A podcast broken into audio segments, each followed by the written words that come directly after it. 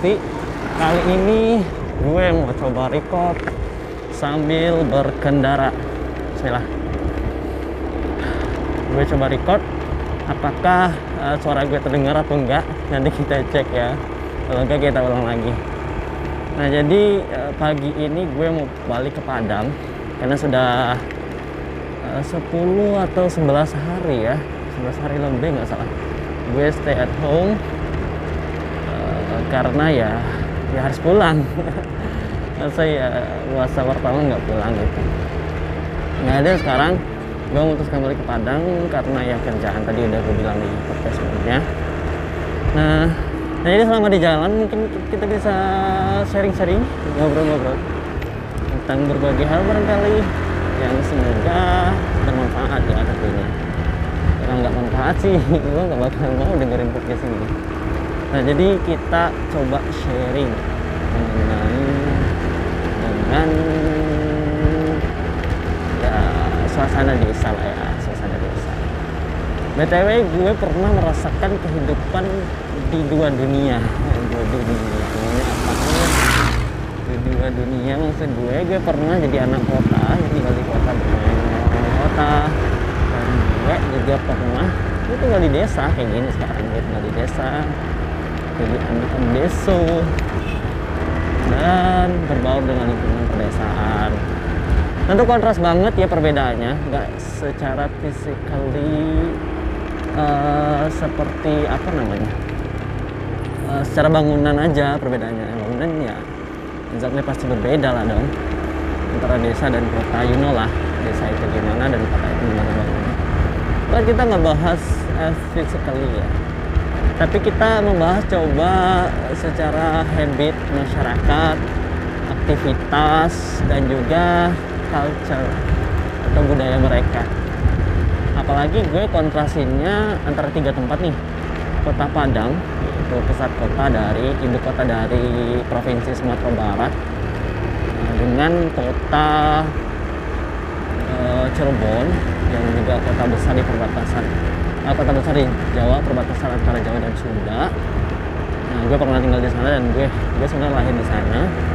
Dan sekarang gue bandingin dengan ya Danau Kembar ini. Desa yang sebenarnya nggak terlalu terkelos ya karena di sini banyak tempat wisata. Tapi ya kehidupan desanya masih kental dan adatnya juga cukup kental di sini. Sehingga bisa dibandingin lah ya gimana kebudayaannya lingkungannya aktivitas orang-orang dan lain-lain. Nah yang pertama gue mau coba review di kota Cirebon dulu deh tempat gue pertama kali tinggal nah, maksudnya gue bersekolah di sana pertama kali. Walaupun pernah di Tangerang ya itu ya. Di Cirebon itu suasananya panas banget. Karena di Jawa ya gitulah. Di Jawa tuh kayak seolah-olah matahari itu lebih dekat gitu.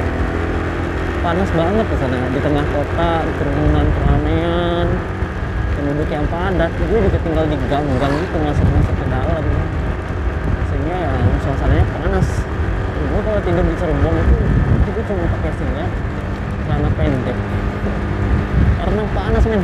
Karena gue tidur depan kipas is always atau gue tidur di lantai. Di keramik tanpa alas uh, itu. Tanpa kasur. Ya btw rumah gue di sana belum ada AC ya. Jadi ya gitu deh panas banget kalau dari segi cuaca. Segi lingkungan masyarakat ya dulu waktu gue berteman atau punya teman di sana waktu anak-anak waktu masa-masa gue SD lah SMP itu gue temenan banyak sama anak-anak geng dan gamers dan gue termasuk salah satu anak gamers.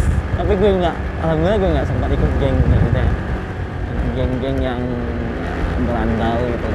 Namun geng mereka ada yang XTC GBR gitu gitu kerjaan mereka tawuran mulu bertengkar gaji-gaji bahkan ada yang nyabu itu anak SD baru anak SMP udah gitu ya namanya juga lingkungan kota tapi alhamdulillah gue nggak terlibat hal yang kayak begituan.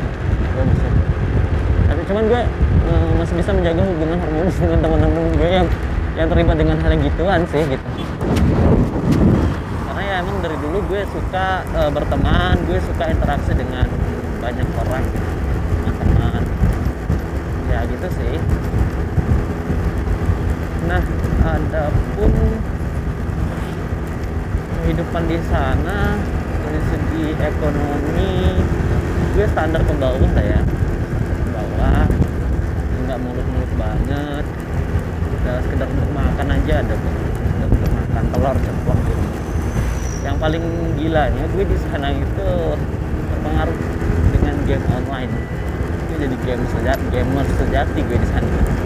Dari mulai gue di kelas 5 SD nah kelas 6 kelas 6 deh kelas 6 SD sampai gue kelas 3 SMP tuh. Yang namanya game online hampir semua game online gue cobain coba. Yang ngedance yang sekarang apa-apa lagi game online.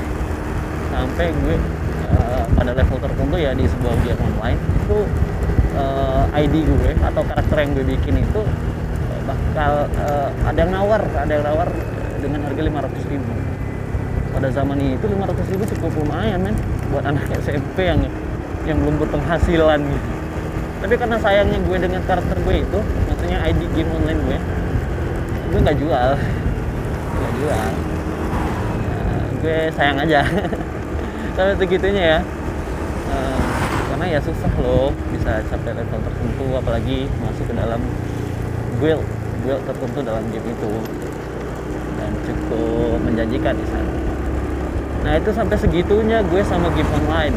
Kerjaan gue balik sekolah ya main main game online itu. Ya sudah menjadi habit gue kayak gitu terus. Uh, pada masa itu ya pada masa itu. Sehingga ya duit gue habis sana. Habis di game terus. Buat beli voucher lah buat sewa warnet. Ya gitu gitulah ya unfaedah banget ya kehidupan gue di kota. Tapi ya itulah faktanya. Eh btw gue nggak nggak mencoba ngumbar-ngumbar ayat gue ya. Tapi nanti ada hikmah yang gue pengen sampaikan buat semua. Terutama buat lo yang masih jadi gamers kan nah gitu sih sebetulnya tujuannya. Nah jadi kayak gitu. E, lingkungan di kota itu cepat mempengaruhi kita terutama usia remaja yang masih labil ke hal-hal yang kadang cenderung itu negatif. Karena memang di sana kebanyakan anak-anak itu lost dari orang tuanya. Dalam artian mereka nggak nggak terlalu mendapat perhatian kasih sayang dari orang tua itu teman-teman yang gue temui Adapun terkadang, eh, terkadang karena saking sibuk orang tuanya bekerja gitu sibuk uh, untuk uh, aktivitas sehingga anaknya ini nggak terlalu diperhatikan. Nah itu sih yang jadi masalah sebenarnya. Gue berteman dengan orang tua. Tapi alhamdulillah gue ibu gue sangat perhatian sama gue, jadi gue jadi anak baik-baik walaupun gue terus kerjaan gue. Ya tapi pengaruh lingkungan kayak gitu. Dan gue nggak bisa menafikan juga sih itu murni pengaruh lingkungan. Itu juga ada sih uh, kesalahan diri gue juga yang terlalu uh, mengikuti kecanduan untuk nge-games. Pada masa-masa labil gue di remaja. Ya gue akui kesalahan gue juga kenapa gue gitu. Nah, uh, itulah lingkungan uh, dan karakter masyarakat di perkotaan. Dan gue nggak bisa ngejat semua perkotaan juga kayak gitu ya karena setiap kota itu beda-beda juga kulturnya beda-beda juga masyarakatnya mungkin lingkungan gue di Cirebon yang gue dapati yang kayak gitu. Ya geng terus game terus main main PS dan apa ya kayak kayak gitu lah main-main gitu kan. Itu aktivitas selama di uh, Cirebon. Nggak nggak keluar dari zona itu. Rumah terus istirahat bentar sekolah habis itu ngegame ngegame terus lagi balik lagi ke rumah cuma pengen makan istirahat bentar terus ngegame lagi. Ya gitu-gitu doang kerjaan gue selama di Cirebon edan banget. Ya sekarang gue nyesel jadinya nggak bisa nge-explore begitu banyak hal yang ada di Cirebon. Padahal sebenarnya Cirebon itu kota yang keren loh keren maksudnya gini banyak peninggalan-peninggalan sejarah Islam yang ada di Cirebon. Keraton-keratonnya masjid-masjidnya cerita tentang Wali Songo hal keren lainnya. Gue nggak dapetin. Kenapa karena gue habis waktu gue di nah gitu. Nah kita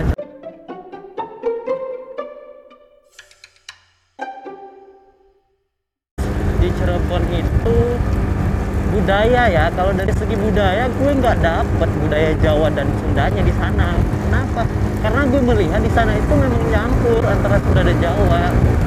Nah, btw nenek gue asli orang Sunda banget ibu gue orang Jawa gitu orang Cirebon. Bahkan Cirebon itu punya bahasa sendiri uniknya kan. Nggak bukan bahasa Jawa dan bukan bahasa Sunda tapi bahasa Cirebon. Kenapa karena Cirebon itu daerah perbatasan antara Jawa dengan Sunda. Jadi mereka punya bahasa sendiri. Uh, dan enaknya gue di sana dapetin temen-temen yang yang ada juga yang care sih gitu. Walaupun banyak yang teman temenan itu sekedar formalitas temenan doang gitu. Formalitas emang ada teman formalitas ya ya gue nggak nganggapnya kayak gitu. Ada sebagian banyak gitu sih. Tapi beberapa orang ada yang ngomong ya bisa diajak pertama rajin ada ya gitu gitulah nah kayak gitu kehidupan gue di Cirebon. Dan budaya di sana nggak terlalu terlihat di Jawanya. Palingan yang gue rasain kalau bulan puasa itu biasanya kita uh, buka bareng terus di masjid. Biasa ya mungkin yasinan sih yasinan yang gue rasain di sana yang sering setiap malam Jumat yasinan yang gue nggak nemuin di Padang dan gue nggak nemuin juga di Danau Kembar ini. Ya yasinan. Uh, terus ada ya ada agenda agenda keraton pasar malam di sana di keraton kekeratonan ada yang unik juga nih ada masjid yang azannya tujuh orang yang sekali azan tanpa mengeras suara gitu di masjid Sunan Gunung Jati kalau nggak salah gue dan banyak hal mistis sebenarnya di Cirebon itu. Orang-orang ilmu inilah ilmu itu gitu. Tapi ya gue cuman dapat info sedikit aja sih. Tadi Cirebon juga gue banyak habis waktu gue di rumah sakit coba. Karena waktu itu ya almarhumah ibu gue sakit gitu kan lama. Jadi gue ya kadang uh, gue sering sana sakit pulang sekolah ke rumah sakit. Nah jadi kayak gitu kehidupan gue di Cirebon. Uh, hal-hal yang gue dapetin ya main teman uh, yang kayak gitu lah tapi gue sayang kok sama keluarga keluarga gue yang ada di Cirebon. Mereka juga sayang sama gue dengan care gitu ya. Nah, gue senang. Dan btw udah lama gue nggak di Cirebon. Udah nggak tahu gue apakah berubah sih. Kayak dulu atau udah berubah? Kayaknya udah berubah sih. Udah dari tahun 2008 nggak salah gue 2008 2009 ya. Hampir 11 tahun gue nggak harus di Cirebon lagi. Padahal waktu itu kesempatan gue pernah pergi ya, ke Bogor ya tahun 2012 ikut acara. Tapi nggak sempet Cirebon nah jadi kayak gitu. Nah uh, terus kita coba bandingin uh, dengan kondisi yang di Padang dulu lah. Di Padang gue standby dari tahun 2014 standby maksudnya gue tinggal menetap di Padang. Dari tahun 2014 waktu gue zaman pertama kali ma masuk kampus waktu jadi maba. Sebelumnya gue nggak paham kota Padang. Ya oh, sebelumnya gue pernah diajak uh, sama temen main-main ke kampus Unan orang senior uh, gue lihat-lihat aja.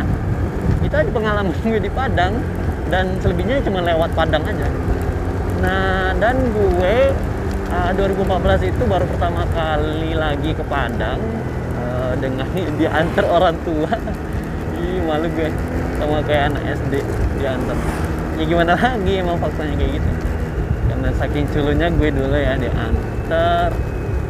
Terus gue survive sendiri lah di Padang. Ya selama unan dulu waktu maba coba berbaur dengan orang-orang di sana berteman. Walaupun ada juga beberapa orang yang udah kenal. Dan eh, setelah itu gue dapet beasiswa etos beasiswa etos dan gue tinggal di asrama etos sana udah udah udah banyak deh teman bahkan lebih dari sekedar teman gitu. Udah kayak keluarga sendiri lah etos mah nah itu yang gue rasain di Padang. Dan untuk suhu suhunya. Eh, nggak uh, sepanas di Cirebon sih suhu di Padang ini. Suhu di Padang normal menurut gue normal aja sih. Ya gue nggak harus uh, pakai kipas terus dan gue nggak harus pakai selimut terus. Kalau mau tidur ya biasa aja. Itu normal gue tinggal di dekat kampus. Pertama gue tinggal di asrama di kampus terus uh, gue pindah di asrama beasiswa yang dekat juga lah dari kampus. Nah uh, ketika di Padang gue coba menyesuaikan dengan lingkungan kampus. Tentu kalau udah di kampus mah udah bercampur baur ya orang-orangnya. Nggak nggak nggak sama ya nggak cuma dari satu budaya gitu ya udah karena ya di kampus sih banyak sih dari Jawa ada dari Papua dari mana-mana juga ada. Nah jadi gue coba menyesuaikan dengan uh, kebiasaan kebiasaan masyarakat di sana di kota Padang. Yang kalau gue lihat uh, juga lumayan cuek sih nggak terlalu aware nggak terlalu care juga dengan lingkungan uh, dengan mahasiswa gitu masyarakat di sekitar tempat tinggal gue ya biasa aja sih nggak terlalu care. Tapi nggak terlalu uh, cuek juga. Biasa aja yang gue rasain. Nah karena karakter uh, ya mereka ya seperti itu gimana lagi? Namun ya gue merasakan Eh, nilai-nilai uh, adat yang berbeda daripada ketika di Cirebon. Ya maklum karena udah beda provinsi kan udah beda juga untuk culture Padang ya Minangkabau lah itu adat-adat Minangkabau masih terasa kok di kota Padang walaupun tidak begitu kental seperti di daerah tapi masih terasa. Ya museum terus uh, dari bahasa orangnya dari sikap ya sikap sebagian orang lah masih sikap selayaknya seorang Minang gitu ya. Bukan orang Minang yang cuma tinggal kabaunya saja. Itu istilah kasarnya nah tapi masih masih bersikap sedemikian beraktivitas gue di Padang sebagai mahasiswa ya cangkupan gue palingan kampus asrama kampus asrama. Tapi beberapa kali gue dikasih kesempatan untuk ikut acara bakti sosial ngobrol dengan masyarakat komunitas uh, terus pergi menjelajahi kota Padang. Wah keren banget. Nah di sinilah gue terasa bebas lebih bebas ketimbang ketika gue berada di Cirebon bukan berarti gue di Cirebon gak bebas. Bebas sebenarnya. Maksudnya bisa main ke mana-mana bisa nge-explore apa pun. Tapi karena gue nya aja yang milih pengen jadi gamers gitu. Nah, jadi habis waktu gue di game. Nah kalau di Padang ya gue udah udah tobat. Udah tobat dari game. Nah, jadi gue fokus kuliah. Nggak fokus kuliah juga sih eh, ikut aktivitas uh, perkuliahan juga. Punya organisasi bla bla bla. Nah jadi gue coba explore kota Padang dengan berbagai tempat wisata kuliner bareng teman-teman. Nah ini lebih asik. Seharusnya ini gue lakukan juga ketika di Cirebon nyesel gue jadinya. Ya nggak masalah sih. Ya namanya juga udah berlalu ya. Nasi udah jadi bubur. Ya mau diapain juga tetap jadi bubur. Paling bisa jadi lontong. Nah uh, di Padang uh, banyak destinasi wisata. Wisata budaya wisata alam terutama pantainya yang terkenal. Kalau di Padang museum Taman Melati. Ya kayak gitulah kondisi di Kota Padang. Uh, gue mulai punya banyak teman di Kota Padang. Karena ya di kampus dan aktivitas gue yang banyak banget. Nah kenapa ya e, ketika awal masuk kampus gue jadi suka ikut-ikut banyak hal gitu pengen explore gitu jiwa-jiwa traveler gue meronta-ronta pengen balas dendam karena waktu dulu nggak tersalurkan mungkin ya. E, jadi kayak gitu. Selama di Padang asik lah pokoknya. E, tidak hanya di Padang sih gue juga explore beberapa kota lain seperti Payakumbuh, Bukit Tinggi bahkan maybe Sumatera Barat ini udah gue kelilingi nih bareng teman-teman gue. Uh, seru asik. Inilah keindahan the wonderful of West Sumatera. Jadi promo gue nah kayak gitu kehidupan di kota Padang. Uh, segi budaya dari segi kebiasaan masyarakat dan uh, gue nggak bisa spesifik uh, tentang budaya karena lingkungan sekitaran kampus pasti budayanya beda-beda. Tapi dominan memang budaya masyarakat di sana budaya Minang dan oke okay, kita coba bandingin dengan uh, kehidupan di Danau Kembar Twin Lake atau orang biasa menyebut daerahnya itu kutub tak bersalju. Nah, kenapa ya? Karena maybe di daerah gue di Danau Kembar ini itu adalah daerah yang paling dingin di Sumatera Barat. Maybe ya itu kata gue karena gue udah ngerasain udah keliling-keliling. Palingnya bisa uh, sedingin ini itu di daerah Padang Panjang. Padang Panjang dan Agam sekitarnya daerah pegunungan gitu tapi masih lebih dingin di sini ketimbang di sana. Kalau dibandingin dengan puncak Merapi hampir-hampir sama. Pasti puncak gunungnya yang dingin loh. Nah kayak gitu. Dan untuk di Danau Kembar dari segi lingkungan masyarakat nah di sini masih secara skala pendidikan itu masih belum uh, rata-rata masyarakat di sini masyarakatnya itu tamatan SD jadi nggak terlalu mementingkan pendidikan ya pokoknya kan ya mereka kerja e, bertani udah. Yang penting udah bisa kerja dapat duit ya udah gitu. Ini sangat disayangkan sebenarnya. Padahal mereka berpotensi banget. Apalagi ketika gue di sini SD gue SD di sini men. SD gue ada tiga di Tangerang satu Cirebon satu sama di sini. E, masyarakat di sini e, sebenarnya bagus potensi mereka untuk dikembangkan ya tapi mereka nggak nggak mau gitu. Mereka nggak mau dan memilih untuk menjadi petani. Ya karena apa? Karena lingkungan sekitaran mereka itu potensi banget buat pertanian subur dekat gunung. Tanahnya bagus. E, tanaman ya tanaman sayuran ini tau lah ya panennya itu musim e, apa namanya? Bisa mingguan bisa bulanan. Ya paling lambat bulanan lah sehingga mereka nggak harus nunggu lama bisa muter duit lagi untuk ke tanaman. Atau mereka sekedar kerja jadi buruh tani itu juga cukup lumayan. Kalau gue bandingin dengan daerah lain. Upah minimal buruh tani di sini kerja masuk jam 8 pulang jam jam 4 itu dapat 70 ribu men. Udah dikasih makan pula udah dikasih snack gitu minum. Nah kayak gitu. Sehingga itu cukup lumayan lah buat masyarakat menengah ke bawah gitu harga sih yang kasihan di sini. Kadang harga nggak mendukung harga tanaman ya. Ya gitulah gitu. Harga pasarnya nggak tetap. Jadi kadang ketika murah ya mereka rugi. Ketika harga mahal ya mereka beruntung. Bahkan ketika harga mahal contoh misalkan cabai ketika harga cabai kemarin 100 ribu itu petani mendadak kayak mendadak gitu. Mereka bisa beli mobil bisa bikin rumah gitu gara-gara cabai.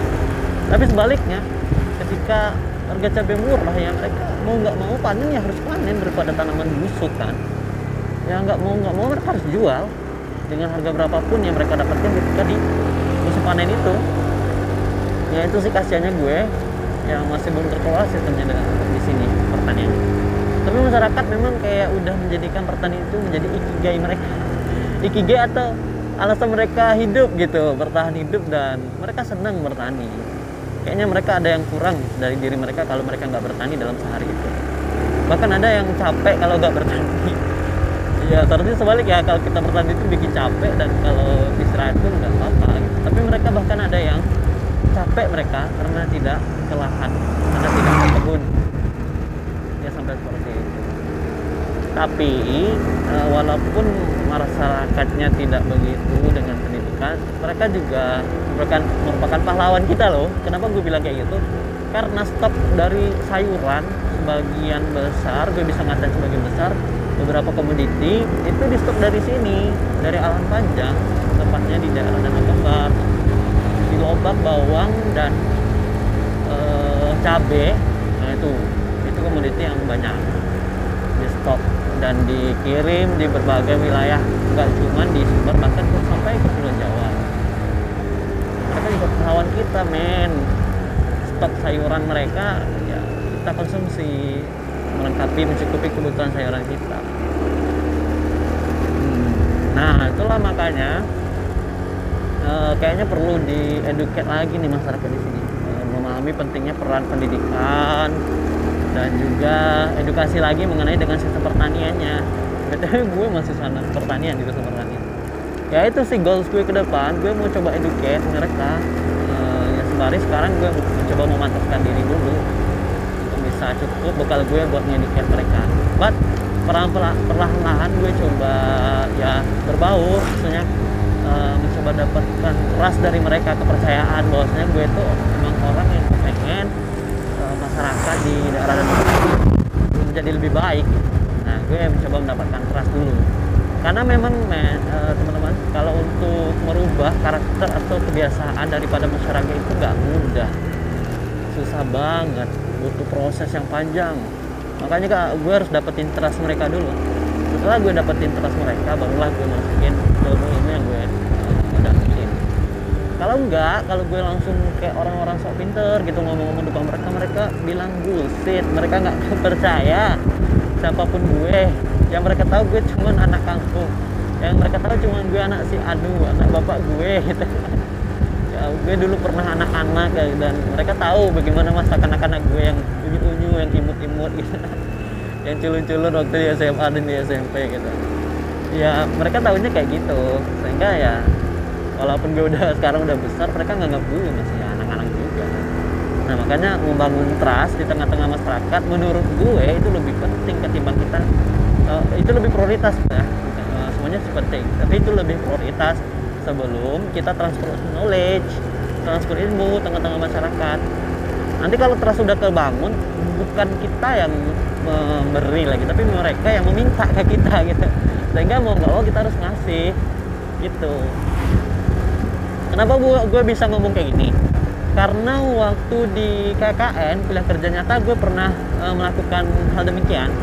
Gue coba membangun trust di tengah-tengah masyarakat dengan menjadi orang yang orang yang tidak begitu pintar lah. Maksudnya walaupun gue jadi jurusan pertanian tapi gue nggak sok-sokan deh pak ini gini dulu caranya oh kamu salah pak ini bla bla. Enggak. Tapi gue coba memperhatikan mereka coba belajar dan coba kepoin mereka apa sih yang mereka lakukan. Gue coba tanya-tanya itu yang membuat mereka cukup senang dan akhirnya ketika trust itu kebangun kepercayaan itu kebangun nah barulah mereka yang open sama kita gitu barulah mereka yang nanya eh ini benar nggak sih kayak gini kata mereka Nah, baru di sana kita masuk sesuai dengan ilmu yang kita pelajari. Nah, Bapak, kalau misalkan kayak gini sistemnya, nah kalau yang saya pelajari sih kayak gini, Pak. Jadi lebih baiknya gini gini gini gini. Dan akhirnya mereka dengerin. Mereka dengerin terus mereka coba. Nah, setelah mereka dapat hasilnya, mereka baru percaya. Nah, nah, maksudnya percaya dengan apa yang gue omongin gitu. Tapi sebelumnya mereka juga udah trust percaya dengan gue sebagai orang yang yang kepengen membantu niatan gue yang pengen bantu mereka ketika kakak nah kayak gitu ketika trust sudah kebangun enak ngobrolnya dan enak transfer knowledge nah, itu yang gue rasakan dan itu yang mau coba gue apply aplikasikan juga di lingkungan gue ini danau kemarin ini besar banget main potensinya di sini nah sayang banget kalau nggak dikembang nah terus kita udah melenceng nih uh, kita bahas lagi tentang perbandingan lingkungan karakter masyarakat dan juga budaya di sini. Untuk suhu, lo nggak usah nanya di suhu berapa berapa suhu di sini. Oh dingin banget men. Lo kalau manasin air, lo diemin aja selama 10 menit atau setengah jam, itu udah udah dingin lagi air yang lo panasin tadi. Bahkan gue kalau mau min, min, pengen minum air dingin tuh nggak usah pakai kulkas. Ya tinggal tinggal biarin aja airnya gitu. Itu udah dingin. Biasanya di subuh hari itu udah dingin tuh air yang dalam teko. Atau air yang di dalam galon tuh udah udah kayak air es.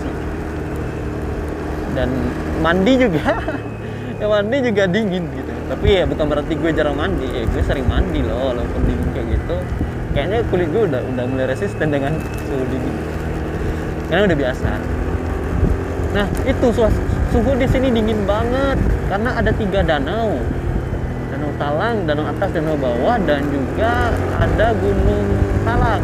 Nah ini yang bikin. Nah terus berapa sih oh, derajat Celcius? Oh, bahkan bisa mencapai 9 sampai 8 derajat Celcius. Bayangin suhu, suhu kayak gitu. Itu di momen-momen tertentu sih, tapi rentan suhu yang sering kalau dinginnya itu 10 sampai 15. Kalau suhu normal hangatnya itu 15 sampai 20 20 sampai 21 itu udah udah paling panas di sini 21 22 lah nah 22 itu yang gue rasain di sini udah panas itu 22 dengan udah panas ya maksudnya itu suhu uh, enggak bisa juga naik sedikit dari tadi. Tapi yang gue rasain segitu bentar. Yang sering tuh suhunya 10 sampai 15 sampai 18 an 18 derajat nah jadi lo kalau yang biasa di daerah panas pas ke sini ya siap-siap aja lah. Pakai jaket yang tebel-tebel. Tapi nggak sampai hipertemia apa namanya? Penyakitnya yang terlalu kedinginan uh, ya gitu lah. Nggak sampai segitunya juga. Ya kayak gitu dingin banget dan daerahnya itu memang di pebukitan. Bukitan yang tinggi-tinggi. Daerah yang asri hijau. Nih keren nih gue liatin sambil naik motor. Hijauan bukit-bukit yang menjulang ya kayak gitulah. Seru sih pemandangan di sini. Tempat wisata banyak banget. Ada panorama destinasi dermaga villa banyak pokoknya. Bahkan gue pernah kerja di salah satu tempat wisata jaga jaga tempat. Untuk adat nah di sini kental adatnya men. Adat Minang antar suku pembagian wilayah wilayah peran ini mama mama penakan nah, itulah adat. Nah, untuk lebih tahu tentang adat lo bisa dengerin podcast uh, gue tentang adat Minang. Lo bisa cari aja lah di podcast gue featuring ayah gue. Kan ayah gue sebagai seorang mama di tengah-tengah sukunya yang bergelarkan dengan Rajo Embang. Nah di sana gue, eh, kita bakalan bahas-bahas tentang adat. Singkat sih nggak apa tapi kalau lo pengen tahu lebih jauh request aja ke gue nanti gue bakalan coba wawancara lebih dalam lagi mengenai tentang adat. Nah kalau adat Minang yang di sini kental banget. Gue belajar banyak banget tentang adat Minang di sini. Dan gue takjub banget nih sama kerennya adat Minang itu. Sehingga membuat orang Minang itu bisa survive ketika merantau di negeri lain bisa uh, ya pokoknya bisa banyak hal orang Minang. Bisa dagang apalagi ya. Nah, dagang itu sudah kemestian bagi orang Minang. Satu kemestian harus bisa berdagang. Kayak gitu. Keren sistem adat dari orang Minang tertata dengan rapi namun hanya saja ya kadang oknumnya yang membuat adat ini tidak berjalan dengan baik. Jadi ya bukan adatnya yang salah oknumnya yang salah. Ketika lo menemukan beberapa hal yang melenceng di Minangkabau itu bukan adatnya yang salah tapi oknum. Kalau adat sih semuanya bagus menurut gue ya. Bahkan core-nya itu dari Minangkabau atau sampah adat bahasa di Sarasa bahasa di Kitabullah jadi nggak mungkin melenceng lah ya sama nilai-nilai Islam. Karena memang uh, bersandi syarak adat itu bersandi itu maksudnya menompang menopang gitu. Atau merujuk pada syarak. Sedangkan syarak itu menopang juga kepada Al-Quran kitabullah kitab Allah. Jadi so udah pasti nggak melenceng dari nilai-nilai agama itulah adat-adat di Minang ulama-ulama Minangkabau salah satu ulama yang keren itu Buya Hamka itu implementasi daripada orang yang mengamalkan adat di Minangkabau ya itu Buya Hamka jadi lo nggak usah nggak usah. Nggak usah cemas deh kalau di Minang. Keren banget seru akan banyak akan belajar banyak hal mengenai tentang adat tentang attitude. Memang di sini nilai attitude itu yang sangat dikedepankan tapi juga tidak menyingkirkan tentang nilai-nilai keilmuan ya ilmu juga. Tapi attitude yang lebih ke kedepankan. Bagaimana kita bersikap bagaimana kita bergaul tata bicara kita laku kita. Nah itu di di daerah pedesaan ini terasa banget men. Ya, kayak kayak gitu maybe that is a small thing in our daily life in our habit as a human being. Tapi di adat itu tidak sesmal itu gitu. Tidak memandang semua. Maksudnya hal kecil seperti kita sopan kita baca salam terus kita baca doa sebelum makan enggak sesimpel itu. Merupakan adat yang dijunjung tinggi yang harus ditaati dan dipatuhi dibiasakan juga. Sehingga jadi nilai-nilai yang memang tertanam di dalam pribadi masyarakat masyarakat yang ada di Minangkabau itulah kenapa membuat orang Minang itu bisa survive di mana mereka berada.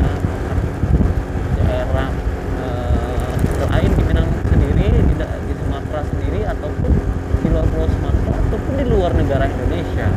Coba lah lo lihat yang paling banyak penyebarannya perantauan itu orang Iya. Ya, mereka emang mereka ke sana berdagang.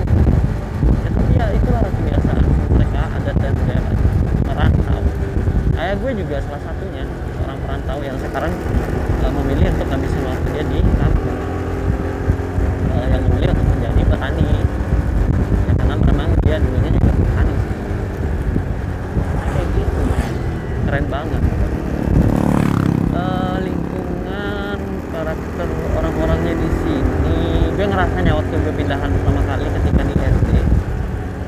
Kali bolak balik bolak balik ke sini. Bahkan ketika di SMP juga gue masih masih jadi siswa pindahan waktu di SD ya biasa anak-anak juga pahami karakter.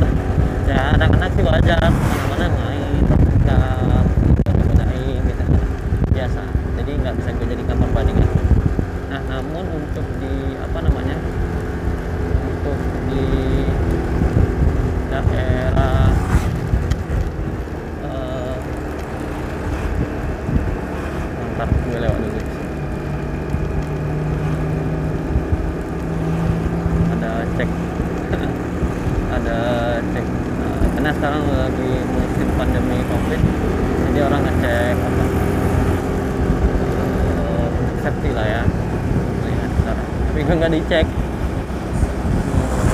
cuman gue harus waspada juga set-set aja sih. Kalau kuning apa nah kita lanjutin tentang adat tadi ya. Gue eh, karakter orang ketika gue SD ya biasa aja.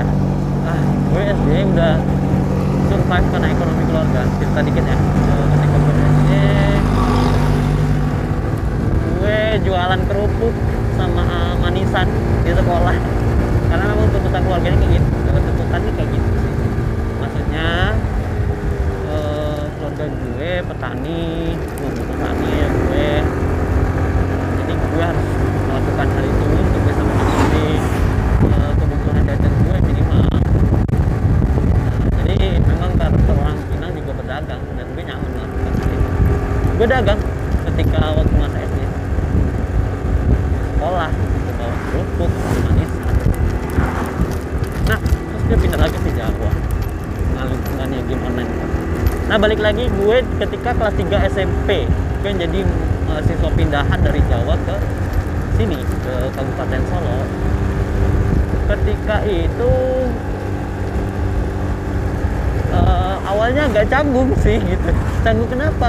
Bayangin deh gue waktu di Cirebon itu orang yang hedon banget lah. Nggak nggak banget banget sih hedon maksudnya di sini. Gamers banget gitu. Apa apa game apa apa game gitu warnet warnet dan kebiasaan gue ke warnet itu hilang ketika gue pindah ke sini. Btw di sini nggak ada warnet men. Nggak ada. Kalau mau internet pakai paket handphone lo doang. Nggak ada warnet. Ya ada sih tapi jauh dari rumah gue. Sekitar harus naik motor dulu 35 menit. Kalau pengen warnet. Dan itu jaringan itu juga. Bagus amat. Jadi handphone kayak gitu kondisinya di sini yang gue rasain nah terus gue kan tuh bahasa Minang gue nggak bagus. Belum terlalu bisa lagi karena udah udah, udah lama gue nggak balik ke sini. Ya sempat dibully juga gitu dibully sama teman-teman di sekolah. Ya itu ah, gue rasa itu wajar aja sih anak-anak karakter remaja-remaja labil ketika di SMP dan nah di sini pertemanan. Nah pertemanan itu lebih solid men ketimbang dengan teman-teman gue yang ada di kota dulu yang di karena memang mereka tidak begitu terpengaruh dengan uh, teknologi modern atau belum nyampe ke mereka waktu itu waktu zaman gue gadget ini belum nyampe. Maksudnya yang punya gadget bahkan belum ada di sekolah gue. Paling bagus handphone mereka tuh ya handphone. Nokia ada yang punya BlackBerry dulu BlackBerry jadul juga sih ya nggak nggak terlalu gitulah handphone. Handphone pengaruh paling kita nyanyi nyanyi gitu aja doang gue main kita nyanyi nyanyi aja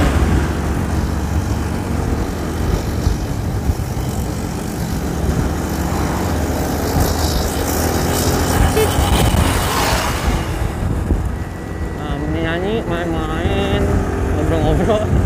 Beda eh, dengan anak-anak remaja yang ada di Cirebon. Untuk geng-geng di sini nggak ada geng. Nah, mereka di lebih ke kelompok-kelompok eh, daerahnya gitu. Misalkan preman kampung eh, A gitu. Preman danau bawah gitu. Dengan preman pasar. Itu sering bertengkar nah jadi kayak kayak gitu. Dan sekali lagi gue di sini berteman dengan orang yang yang preman juga gitu. Maksudnya mereka dia suka suka bertengkar. Tapi gue gue asik aja sih berteman dengan bukan gue mencoba ikut-ikut nakal-nakal enggak tapi enak loh berteman dengan mereka itu. Mereka lebih open mereka lebih jujur. Dan kita enak kalau mau bentak-bentak mereka itu lebih leluasa gitu. Karena kita tahu mereka. Memang purpose gue bukan itu tapi purpose gue memang uh, untuk bisa dapat teman yang satu jiwa satu jiwa. Uh, teman yang memang bisa saling paham bisa saling tolong dan bisa saling bantu.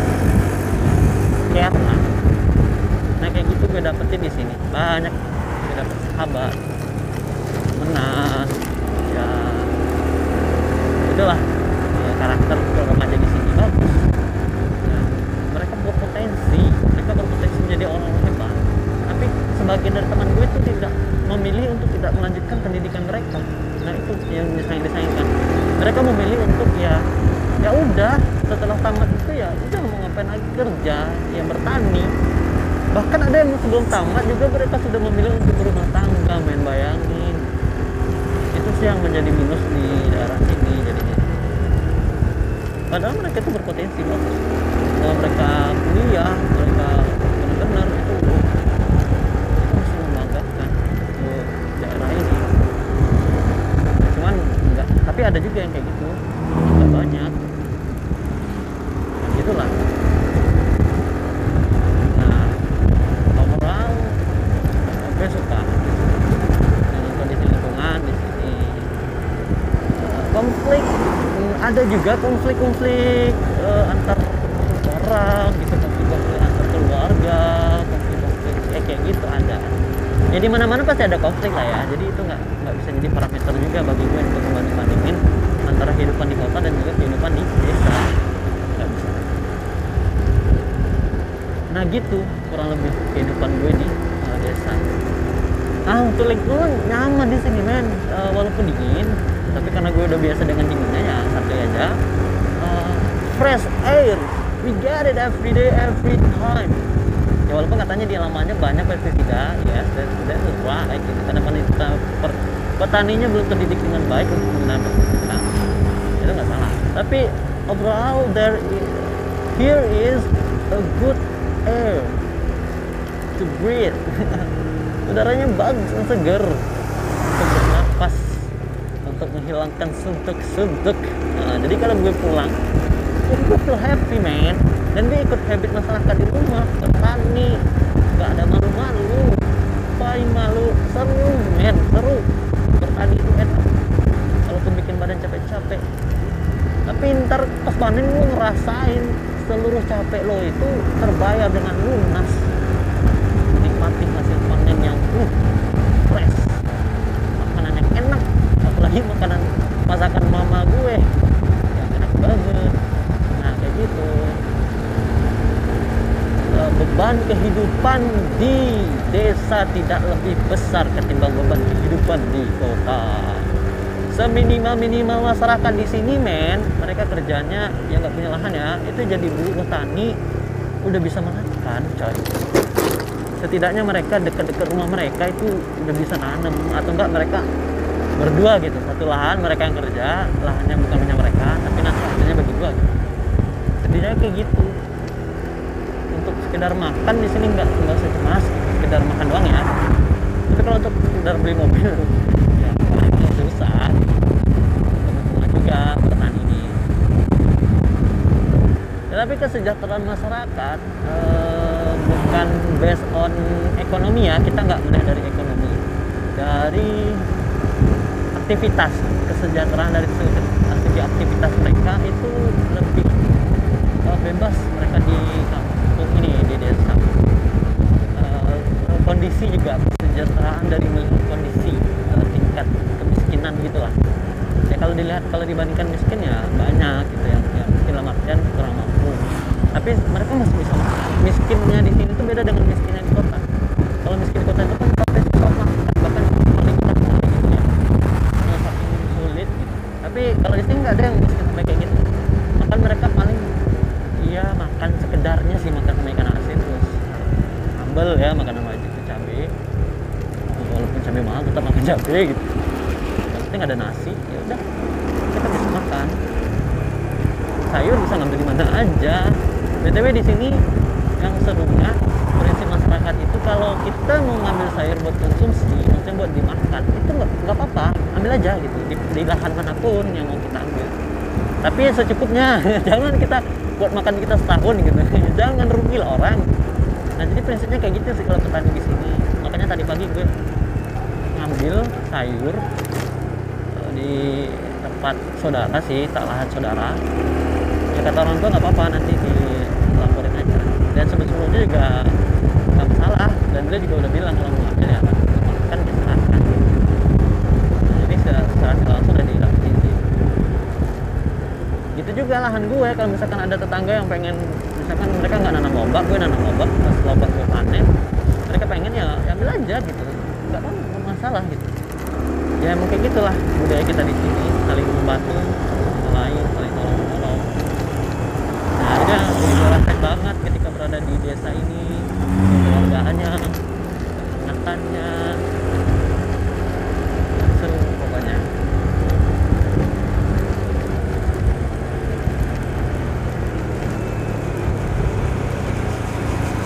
Nah, sekarang gue udah nyampe di perbatasan Kabupaten Solo dengan daerah Padang. Wow. Oke, beberapa menit. Beberapa menit. Eh, nyampe sejam nggak ya gue ke bawah? Kayaknya nggak nyampe sejam. Harusnya. Jadi gue safety aja lah. Gue coba hati. Oh, penting sih gue motor-motor mobil. That's no problem. Jalannya besar. Wow, keren men. Sini pemandangannya langit lagi cerah biru gue bisa melihat kota Padang secara keseluruhan dari sini tengah jalannya sih tinjau kalau lo pergi ke sini lo harus cobain suasana ini nah, ini lah suasana ini oke kita lanjut cerita lagi tentang tadi lingkungan masyarakat kekeluargaannya kental ya budaya Minangkabau seperti itu menjunjung atas kekeluargaan. Pernah gue waktu pergi ke uh, pergi ke Cirebon di Cirebon juga pernah dulu terus gue ke ke Bogor gitu kan. Ketemu dengan orang Minang dekat di sana di Jakarta juga. Itu kita walaupun baru kenal hari itu tapi karena merasa sama-sama orang Minang udah langsung akrab langsung langsung ngobrol dekat gitu gitu. Karena saking kekeluargaan kental di adat Minangkabau itu. Sarasa Pareso Saraso Sapareso kayak gitulah. Satu rasa satu sepenanggungan mereka juga banyak syair-syair pantun-pantun. Ah iya adat yang belum gue sampaikan nah kalau di kampung banyak adat. Bahkan sebelum masuk uh, puasa kemarin tuh mereka adatnya adalah mengaji gitu. Syukuran. Syukuran menyambut bulan Ramadan. Jadi berdoa lah bareng-bareng sambil makan-makan di rumah uh, warga di rumah beberapa orang. Jadi keliling tuh. Biasanya sehari itu lima kali berdoa lima rumah lima kali makan men. Bisa sampai kayak gitu. Tapi itu adalah adatnya di sana. Terus kalau mau pesta kalau mau pesta itu uh, ada uh, acara sampai malam-malam. Atau bikin panggung gitu kan. Kadang ada acara pertunjukan seninya juga seperti rabab seni silat dan lain-lain. Begitu di sini adatnya. Gimana gue pesta besok ya? Pestain di sini maksudnya ada nikahan. Nggak tahu lah kapan gue nikah. Oh, ini. Ada monyet men. Jalanan. Kasih makanan sama orang nah gitu sih ada di sini kental banget keren banget gue banyak belajar dari orang di sini dari orang tua gue dari saudara-saudara jalan ini memang macet terus bukannya macet sih tapi hati-hati gitu nurunnya tanjakannya terjal di situ jauh baru sering kecelakaan sih di sini. But mudah-mudahan gue. Bismillah Bismillah. Oke pelan-pelan men pelan-pelan. Pelan-pelan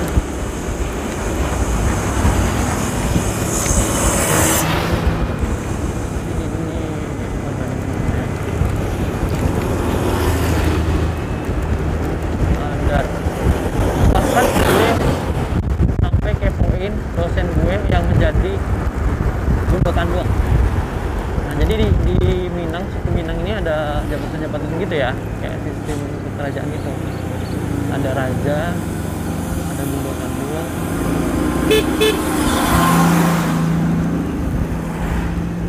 nah, kayak kayak gitu lah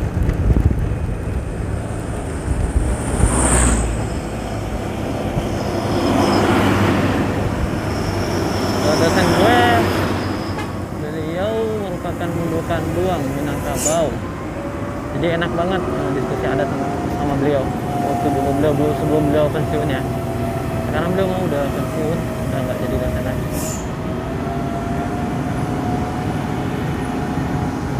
Ini agak ngeri jalannya. Jadi gue harus lebih safety dulu. Ya kita safety dulu kita safety dulu. Setelah kita potong mobil ini kita lanjut lagi ngobrol nah nah kayaknya sepi deh.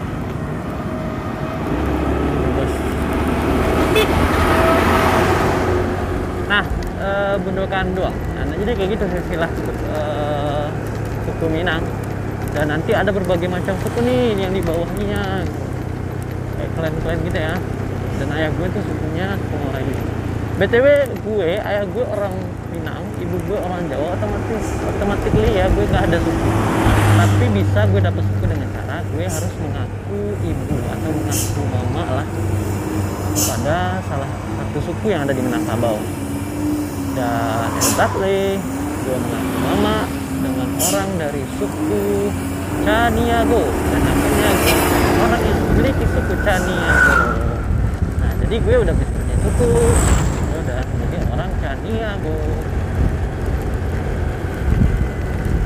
dan banyak lagi sih kalau kita mau bicara tentang suku Minangkabau ini.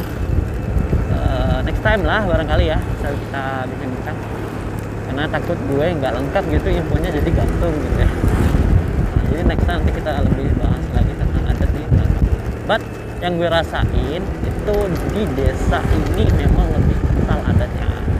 Termasuk ketika gue pergi KKN juga kan di desa tuh ketika kita hunting hunting kita traveling keliling-keliling Sumbar kita juga pernah stay di beberapa desa di Sumbar jadi kita ngerasain lagi mana adatnya kental adat di Minangkabau keren deh pokoknya. Buat lo yang dengerin podcast ini yang bukan orang Minang atau belum ke Minangkabau lo harus cobain. Minimal lo wisata dan wisata adat lah eh, tepatnya wisata, wisata adat ya bukan kayak alam kalau lo bisa merasakan betapa kerennya betapa indahnya eh, penerapan daripada adat Minangkabau itu sih saran gue. Ntar lo kalau mau ke Minang kantor kalau mau butuh bantuan kontak aja gue nanti gue bantuin. Nah ini banyak sekali loh.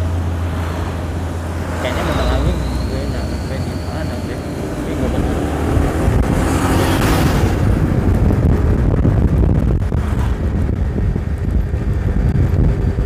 Yeay, bentar lagi gue nyampe men karena jalan turun ya jadi kayaknya nggak sampai situ nggak sampai situ gitu nyampe ke Padang dekat banget kayaknya ya tapi ya tadi gue ngobrol pakai podcast cuma kalau gue teman-teman sendiri rasanya iya udah ke Padang antara rumah ya gitulah walaupun jarak rumah gue dekat dari Padang tapi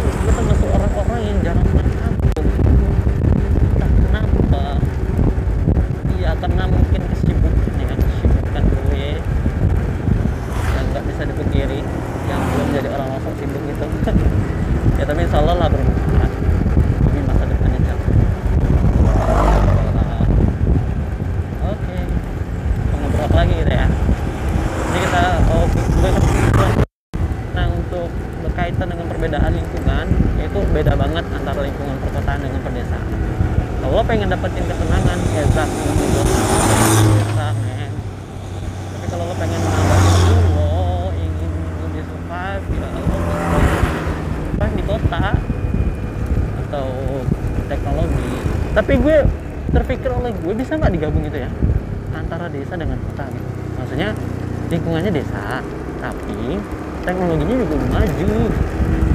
Dan pendidikannya juga sudah tinggi nah kita nggak kira-kira? Tapi yang gue rasain ah ya satu lagi gue pernah ke desa.